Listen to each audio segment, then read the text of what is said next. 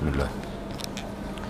إن الحمد لله نحمده ونستعينه ونستغفره ونستهديه. ونعوذ بالله من شرور أنفسنا وسيئات أعمالنا. من يهده الله فلا مضل له ومن يضلل فلا هادي له. أشهد أن لا إله إلا الله وحده لا شريك له وأن محمدا عبده ورسوله. قال الله عز وجل يا أيها الناس اتقوا ربكم الذي خلقكم من نفس واحدة وخلق منها زوجها وبث منهما رجالا كثيرا ونساء واتقوا الله الذي تساءلون به والأرحام إن الله كان عليكم رقيبا. وقال عز وجل يا أيها الذين آمنوا اتقوا الله حق تقاته ولا تموتن إلا وأنتم مسلمون. وقال تبارك وتعالى يا أيها الذين آمنوا اتقوا الله وقولوا قولا سديدا. يصلح لكم أعمالكم ويغفر لكم ذنوبكم ومن يطع الله ورسوله فقد فاز فوزا عظيما.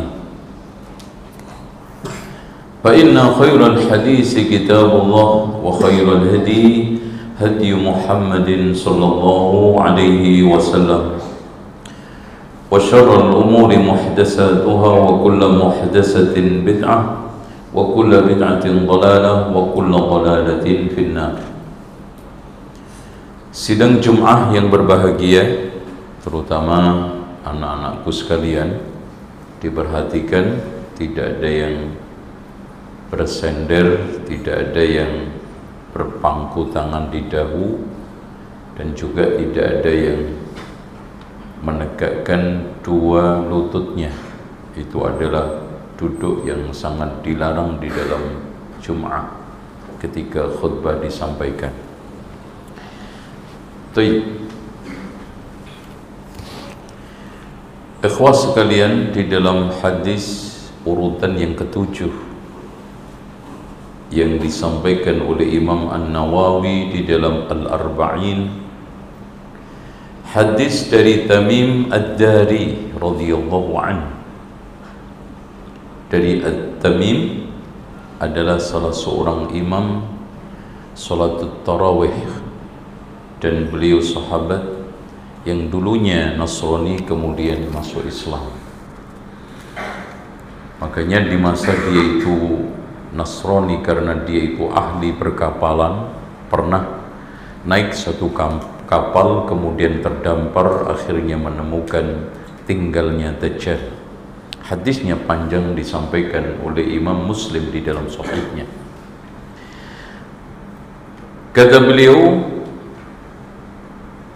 qala Rasulullah sallallahu alaihi wasallam. Rasulullah sallallahu alaihi wasallam bersabda ad-dinu an-nasihah. Subhanallah ini penegasan setegas-tegasnya karena Rasulullah menggunakan tek nakni ma'rifah. Ad-dinu nasihatun. Itu beda dengan ad-din an-nasihah. Artinya agama itu nasihat nasihat itu agama. Makanya orang yang tidak bernasihat itu tidak beragama secara sempurna Ad-dinu an-nasihah. Agama itu nasihat. Di dalam seluruh komponennya Di dalam seluruh bagannya Termasuk di dalam cara menyampaikan Di dalam berdakwah Termasuk di dalam amar ma'ruf nahi mungkar Termasuk di dalam cara menegakkan syariat Termasuk di dalam cara mendidik Mengajarkan kepada orang An-nasihah An-nasihah itu dari kalimat nasaha yang artinya khalusah, yang artinya adalah murni. Makanya disebutkan labanun nasihun susu yang nasih artinya labanun khalisun dengan demikian agama itu butuh ketulusan dohir batin di dalam menjalankan dan kenapa hadirin salian Rasulullah menekankan ini? Karena memang asas daripada agama itu dibangun dengan watawasau bil haqqi watawasau bis sabr. Karena orang di dalam masalah penyimpangan itu tidak lepas dari salah satu di antara dua. Kalau enggak dia itu gelap terhadap kebenaran atau kalap terhadap kebatilan makanya gelap terhadap kebenaran dibutuhkan watawasau bil haq. Karena kalau dibiarkan dia akan tercebur ke dalam berbagai macam syubhat. Dan kalau di dalam kebatilan kalau dibiarkan terjadinya penyimpangan-penyimpangan yang akhirnya mengikuti syahwat. Dan ini adalah puncak penyakit agama syubhat dan syahwat makanya dibutuhkan ad-dinun nasihah. Makanya kata Fudal ibnu Ayyad ini merupakan satu hal yang perlu kita cermati kita camkan kalau kita itu ingin lebih unggul daripada salafus saleh. Dan bisa itu. Makanya kata beliau orang-orang akhir ini nanti tidak akan bisa menyalip kita mendahului kita dengan solat dan puasa Makanya sehebat apa pun solat kita tidak akan bisa mengungguli solatnya Imam Abu Hanifah. Sehebat apa pun puasa kita tidak akan bisa mengalahkan puasanya Abdullah ibnu Amr bin As. Tapi dengan apa? Kata beliau dengan yang pertama adalah ini penting. Sakhaun nufus murah hati. Jadi orang itu akan dengan sendirinya pelit tindakan kalau pelit hati. Orang itu meskipun sekarang tidak punya uang meskipun dia miskin kalau murah hati suatu ketika dia akan menjadi dermawan. Sakha'un nufus itulah yang mengunggulin para sahabat para tabi'in dan salafun salih. Sakha'un nufus itulah yang menjadi umat khaira kuntum khaira ummatin ukhrijat linnas. Dan yang keduanya Masya Allah yang keduanya adalah salamatus sudur yaitu terangnya selamatnya hati. Tidak ada ghil tidak ada hasud tidak ada kibr Rabbana ighfir lana wa li ikhwanina alladhina sabaquna bil iman ولا تجعل في قلوبنا غلا للذين آمنوا ربنا إنك رؤوف رحيم dan ini menjadi penyakit paling kronis di zaman akhir tolong yang tidur dibangunkan sampingnya baik yang asatid maupun yang murid semua dicenggol ya yang sudah mulai ngantuk disenggol. Nggak patut. Khutbah cuman setengah jam antum pakai tidur. Itu sangat tidak patut ya. Apalagi antum di tempat-tempat yang memang itu menidurkan. Tapi kembali lagi. Salamatus sudur. Ikhwas sekalian Rasulullah katakan dabba alaikum da'ul umami qablakum. Telah menggelayutin ke dalam diri kalian penyakit umat-umat sebelum kalian. Al-hasad wal baghdha hasud iri dengki. Ini yang sekarang ini membuat umat itu mudah sekali terjadi pecah. Mudah sekali terjadi crash dan terjadi persengketaan yang di dalam bahasa latinnya sekarang segregasi. Inilah yang ditakutkan oleh Rasulullah sallallahu alaihi wasallam sehingga Rasulullah SAW memohon berlindung kepada Allah suidzatil bayyin. Dan itu zaman nanti akan keluar dajjal sehingga Rasulullah SAW katakan yakhruju dajjalun. Dajjal itu hanya keluar fi khiffatin minad din saat agama itu tipis wa idbarin minal ilmi dan orang berpaling dari ilmu dan yang ketiga wasu'i dzatil bayyin banyaknya perselisihan, persengketaan dan pertengkaran di antara umat. Ya, yang antar negara perang, yang antar suku crash, yang antar umat sekarang satu dengan yang lainnya centang berenang. Padahal Allah katakan wala tanaza'u fatafshalu wa tathhab rihukum. Jangan kalian centang berenang, kalian pasti gagal dan kalian pasti lemah. Makanya di sini dibutuhkan ad-dinun nasihah.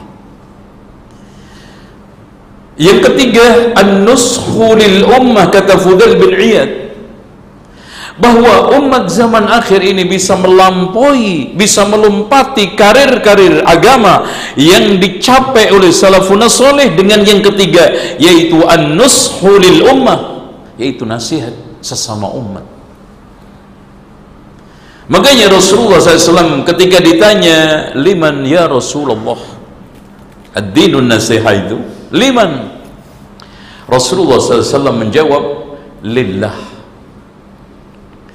kenapa? karena pengabdian kita kepada Allah karena kita bertauhid dibutuhkan keikhlasan totalitas makanya kenapa surat kul huwallahu ahad dikatakan suratul ikhlas karena surat itu dari ayat pertama sampai akhir tidak ada satupun yang untuk makhluk. Murni untuk Allah. Kul huwallahu ahad. Allahu samad. Lam yalid wa lam yulad wa lam yakul lahu kufuwan ahad. Dan harusnya seperti itu. Keikhlasan kita an-nasihah lillah kita tuluskan ibadah kita kepada Allah. Kita murnikan tauhid baik rububiyah, uluhiyah, asma wa sifat, kita tidak campur. Kita abdikan kepada selain Allah Subhanahu wa taala dalam bentuk ibadah sekecil apa pun. Karena Allah mengancam. Inna Allah la yaghfiru an yushraka bihi syai'a Inna Allah la yaghfiru an yushraka bihi wa yaghfiru ma duna dhalik. Dan Rasulullah SAW katakan man mata wa huwa yusyrik billahi syai'an dakhala nar siapa yang mati melakukan syirik hanya kecil maka masuk neraka. Tapi sebaliknya siapa pun orangnya yang nanti kembali kepada Allah dengan membawa dosa andaikan sepenuh jagat tapi dia tidak menyekutukan Allah kata Allah di dalam hadis qudsi. Ya bani Adam lau atai lau ataitani bi qurabil ardi khataya thumma lakitani la tusyrik billahi syai'a la ataituka bi qurabil ardi maghfiratan.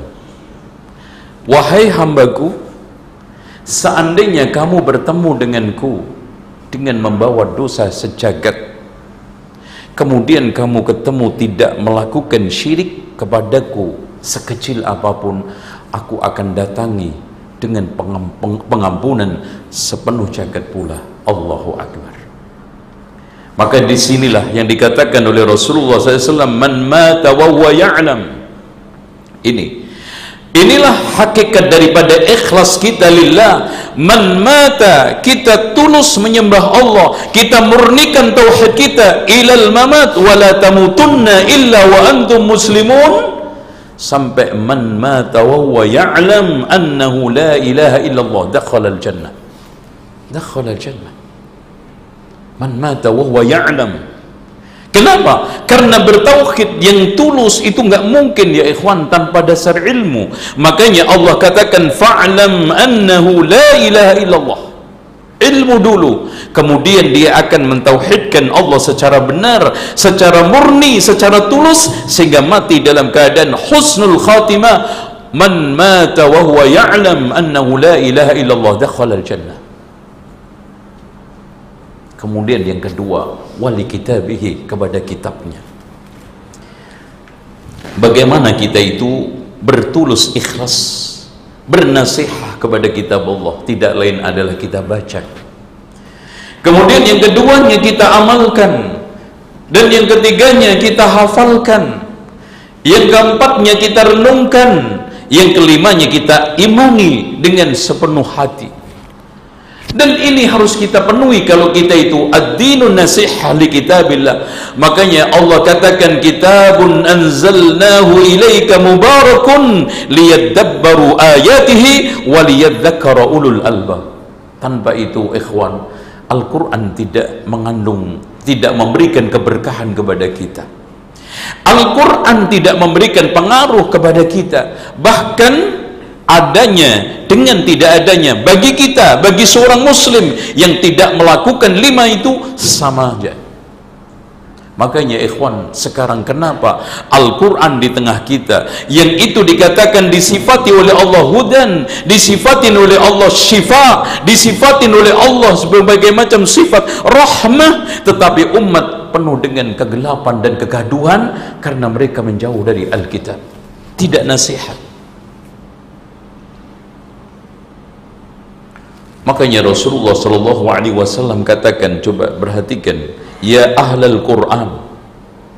Ya ahlal Quran autiru. Apakah di antara kita yang sekarang ini menggemari Al-Quran bahkan menghafalkan Al-Quran telah menjaga Al-Quran di malam hari seperti Abu Musa Al-Ashari? Bahkan Rasulullah SAW ketika itu mengatakan kami kami tidak tahu letak rumah-rumah keluarga Abu Musa al-Ashari kecuali di malam hari ketika mereka sedang menandung menyenandungkan Al-Quran sedang melanturkan Al-Quran. Coba bayangkan bandingkan kita sekarang ini. Bahkan di antara sebagian besar kita telah masuk ke dalam ayat yang telah dikhawatirkan oleh Rasulullah dan itu direkam oleh Allah. Wa qala ar-rasulu ya rabbi inna qaumi ittakhadhu hadzal qur'ana mahjura Rasul mengadu kepada Allah ya Allah sungguh kaumku ini nanti akan menjadikan Al-Quran sesuatu yang dicampakkan.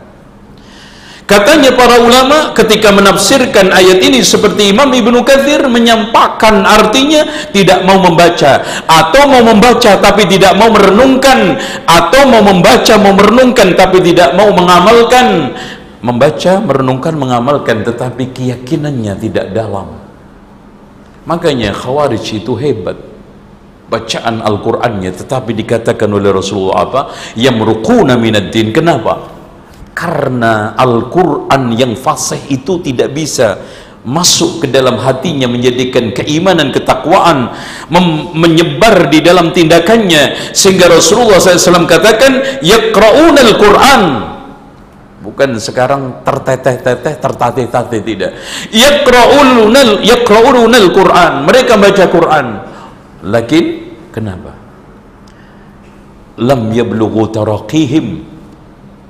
Sampai tenggorokan aja tidak makanya kata Al-Hasanul Basri al-ilmu ilman. Ilmu itu ada dua macam.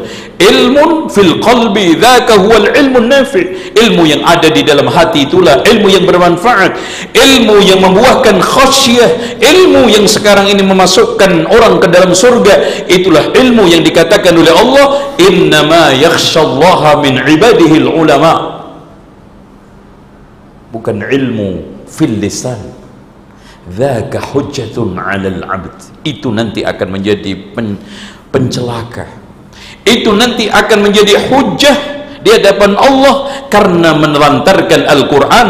Makanya Rasulullah wanti-wanti ya ahlal Quran autiru fa inna Allah witrun yuhibbul witrah an-nasihah li kitabillah. Kita baca. Kemudian wali rasulihi Nasihat kita kepada Rasulullah sallallahu alaihi wasallam tidak lain adalah mengimani Rasulullah, mengimani ajarannya, menerima beritanya penuh dengan kepercayaan tanpa ada keraguan dan membenarkan seluruh apa yang dia kabarkan dan membela risalahnya setelah meninggal dunia, menjaga kehormatannya kalau dilecehkan. Itulah an-nasihah li Rasulillah kalau kita tidak melakukan itu secara minimal, maka kita belum memiliki sikap tulus kepada Rasulullah sallallahu alaihi wasallam terutama ad-dabbu 'ani syariah wad-dabbu 'ani sunnah, membela syariatnya dan juga sunnahnya. Betapa banyak di antara kita sekarang ini seperti yang dikatakan oleh Ibrahim Adham ketika ditanya wahai Ibrahim Abu Ishaq kenapa kita berdoa tetapi hati kita tidak khusyuk tidak fokus sehingga doa kita tidak banyak dikabulkan oleh Allah? Karena hati kalian mati dari perkara sepuluh di antaranya adalah di antaranya za'amtum annakum tuhibbuna Allah eh, tuhibbuna Rasulullah wa taraktum sunnatahu. Kalian mengklaim mencintai Rasulullah tapi menelantarkan sunnahnya menelantarkan syariatnya bahkan ikut-ikutan melecehkan kehormatannya dan juga termasuk keluar, ke, ke, kehormatan ahlul bait keluarga Rasulullah sallallahu alaihi wasallam. Selanjutnya dari sekalian ad-dinun nasihah. Setelah Rasulullah adalah wali a'immatil muslimin kepada imam-imam kaum muslimin imamuddin imam agama adalah ulama imam ad-dunya adalah umara dan kedua-duanya kata Allah subhanahu wa ta'ala Allah wa ati'u rasulah wa ulil amri minkum. Oleh karena itu hadirin sekalian mentaati ulil amri merupakan suatu kewajiban. Baik ulil amri dalam masalah agama katanya Imam Ash-Syafi'i adalah ulama ulil amri di dalam masalah dunia adalah umara sama-sama merupakan memiliki harga memiliki suatu apa namanya kehormatan yang harus kita lindungi Makanya Rasulullah SAW katakan Man ra'a min amirihi syai'an yakrahuhu. Barang siapa yang melihat sesuatu dari imamnya, dari amirnya, dari penguasanya Sesuatu yang tidak menyenangkan Fal yasbir, hendaknya dia bersabar. Sabar. Kenapa? Karena apa? Karena rata-rata Al-imamah Al-imamah itu adalah mawdi'ud dhulmi Letak kezaliman kata para ulama. Oleh karena itu hadirin sekalian bila ada penguasa yang adil bila penguasa itu menjaga berbagai macam kejujuran maka memiliki kelebihan yang sangat tinggi di hadapan Allah termasuk di antara tujuh orang yang diberikan naungan oleh Allah di masa nanti tidak ada naungan adalah al-imamul adil. Sehingga hadirin sekalian yang dirahmati oleh Allah subhanahu wa ta'ala Rasulullah SAW katakan Al-imamu dillullahi fil ardi Ya'wi ilaihi kullu madlumin Imam, penguasa, pemimpin adalah naungan Allah yang Allah letakkan di bumi yang dia gunakan berlindung orang-orang yang teraniaya. Artinya di sekalian, seorang penguasa, seorang pemimpin belum bisa menjadi pemimpin yang sejati kalau bis, belum bisa melindungi orang yang lemah. Ya'wi ilaihi kullu madlumin Dengan demikian kesabaran penuh harus kita tingkatkan terutama nanti di zaman akhir. Di mana pernah Rasulullah Shallallahu Alaihi Wasallam berkata kepada Abu Dhar, wahai Abu Dhar, nanti akan muncul pemimpin-pemimpin yang suka makan harta negara. Apa sikapmu terhadap mereka? Kata di, kata beliau, saya akan angkat senjata dan saya akan perangi. Apa kata Rasulullah? Jangan wahai Abu Dhar isbir hatta talqawni fil haud. Sabarlah sampai kamu ketemu aku di telaga. Karena apa? maslahat dan madaratnya pasti akan lebih besar madaratnya kenapa? pada zaman dahulu yang sudah begitu dahsyat ikhwah bagaimana sekarang ini? Ketika seorang itu memberontak melawan pemimpin padahal rata-rata mereka dulu itu menjadi pemimpin gratisan bahkan mereka diangkat. Apalagi sekarang di zaman akhir kepemimpinan itu penuh dengan pembiayaan, pengorbanan dan juga berbagai macam modal-modal besar. Sulit untuk melepasnya. Oleh karena itu isbir hatta talqawni fil qawl yang terakhir adalah wa'amatil muslimin dan kepada seluruh kaum muslimin. Dengan cara apa? dengan cara kita nasihati. Kita ajari agama kita lindungi dunianya. Kita jaga maslahatnya. Kita berikan hak-haknya. Dan yang tidak kalah pentingnya kita lindungi dari berbagai macam hal-hal yang sekarang ini mengganggunya merusaknya dan merugikannya. Sehingga Rasulullah sallallahu alaihi wasallam katakan man kana yu'minu billahi wa eh, la yu'minu ahadukum hatta yuhibba li akhihi ma yuhibbu li nafsihi itu minim daripada makna nasihah li ahmatil muslimin. Kita berikan nasihat agama secara tulus. Kita ceramai secara ikhlas. Kita berikan berbagai macam nasihat-nasihat dengan kata-kata yang santun dan sopan dan termasuk amar ma'ruf nahi mungkar adalah bagian nasihat. Termasuk dakwah adalah bagian nasihat. Memberikan hak kaum muslimin a'ti kulladhi haqqin haqqahu adalah termasuk bagian daripada nasihat dan puncak dari seluruh nasihat itu kata Rasulullah fa idzastansaha ahadukum fansahu.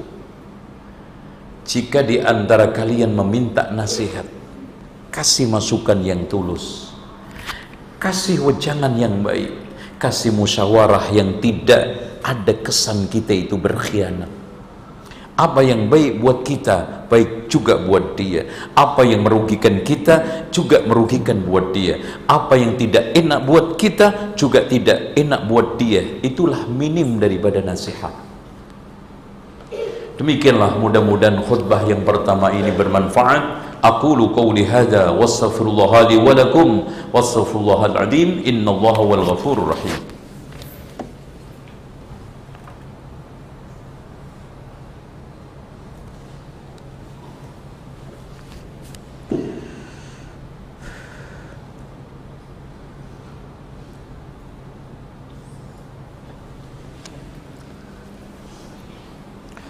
الحمد لله الذي أرسل رسوله بالهدى ودين الحق ليظهره على الدين كله ولو كره المشركون. أشهد أن لا إله إلا الله وحده لا شريك له وأن محمدا عبده ورسوله. اللهم صل وسلم وبارك على محمد وعلى آل محمد كما صليت على إبراهيم وعلى آل إبراهيم إنك حميد مجيد. وارض اللهم عن الخلفاء الراشدين. أبي بكر وعمر وعثمان وعلي وعن الصحابة وتبين وتبين تبين برحمتك يا أرحم الراحمين. اللهم اغفر للمسلمين والمسلمات والمؤمنين والمؤمنات الأحياء منهم والأموات اللهم أرنا الحق حقا وارزقنا اتباعه وأرنا الباطل الباطل وارزقنا اجتنابه. اللهم اقسم لنا من خشيتك ما تحول به بيننا وبين معصيتك ومن طاعتك ما تبلغنا به جنتك ومن اليقين ما تهون علينا مصائب الدنيا. اللهم متعنا بأسمائنا وبصارنا وقوتنا بدل ما أحييتنا. واجعل وارث منا واجعل ثأرنا على من ظلمنا. وانصرنا على من أدانا ولا تجعل مصيبتنا في ديننا ولا تجعل الدنيا أكبر همنا ولا مبلغ علمنا ولا تسلط علينا من لا يرحمنا. ربنا هب لنا من أزواجنا وذريتنا قرة أعين واجعلنا للمتقين إماما. ربنا اغفر لنا ولإخواننا الذين سبقونا بالإيمان ولا تجعل في قلوبنا غلا للذين آمنوا. ربنا إنك رؤوف رحيم. ربنا لا تزغ قلوبنا بعد إذ هديتنا وهب لنا من لدنك رحمة إنك أنت الوهاب. ربنا آتنا في الدنيا حسنة وفي الآخرة حسنة وقنا عذاب النار. عباد الله إن الله يأمر بالعدل والإحسان وإيتاء ذي القربى وينهى عن الفحشاء والمنكر والبغي يعيدكم لعلكم تذكرون ولذكر الله أكبر. أقم الصلاة.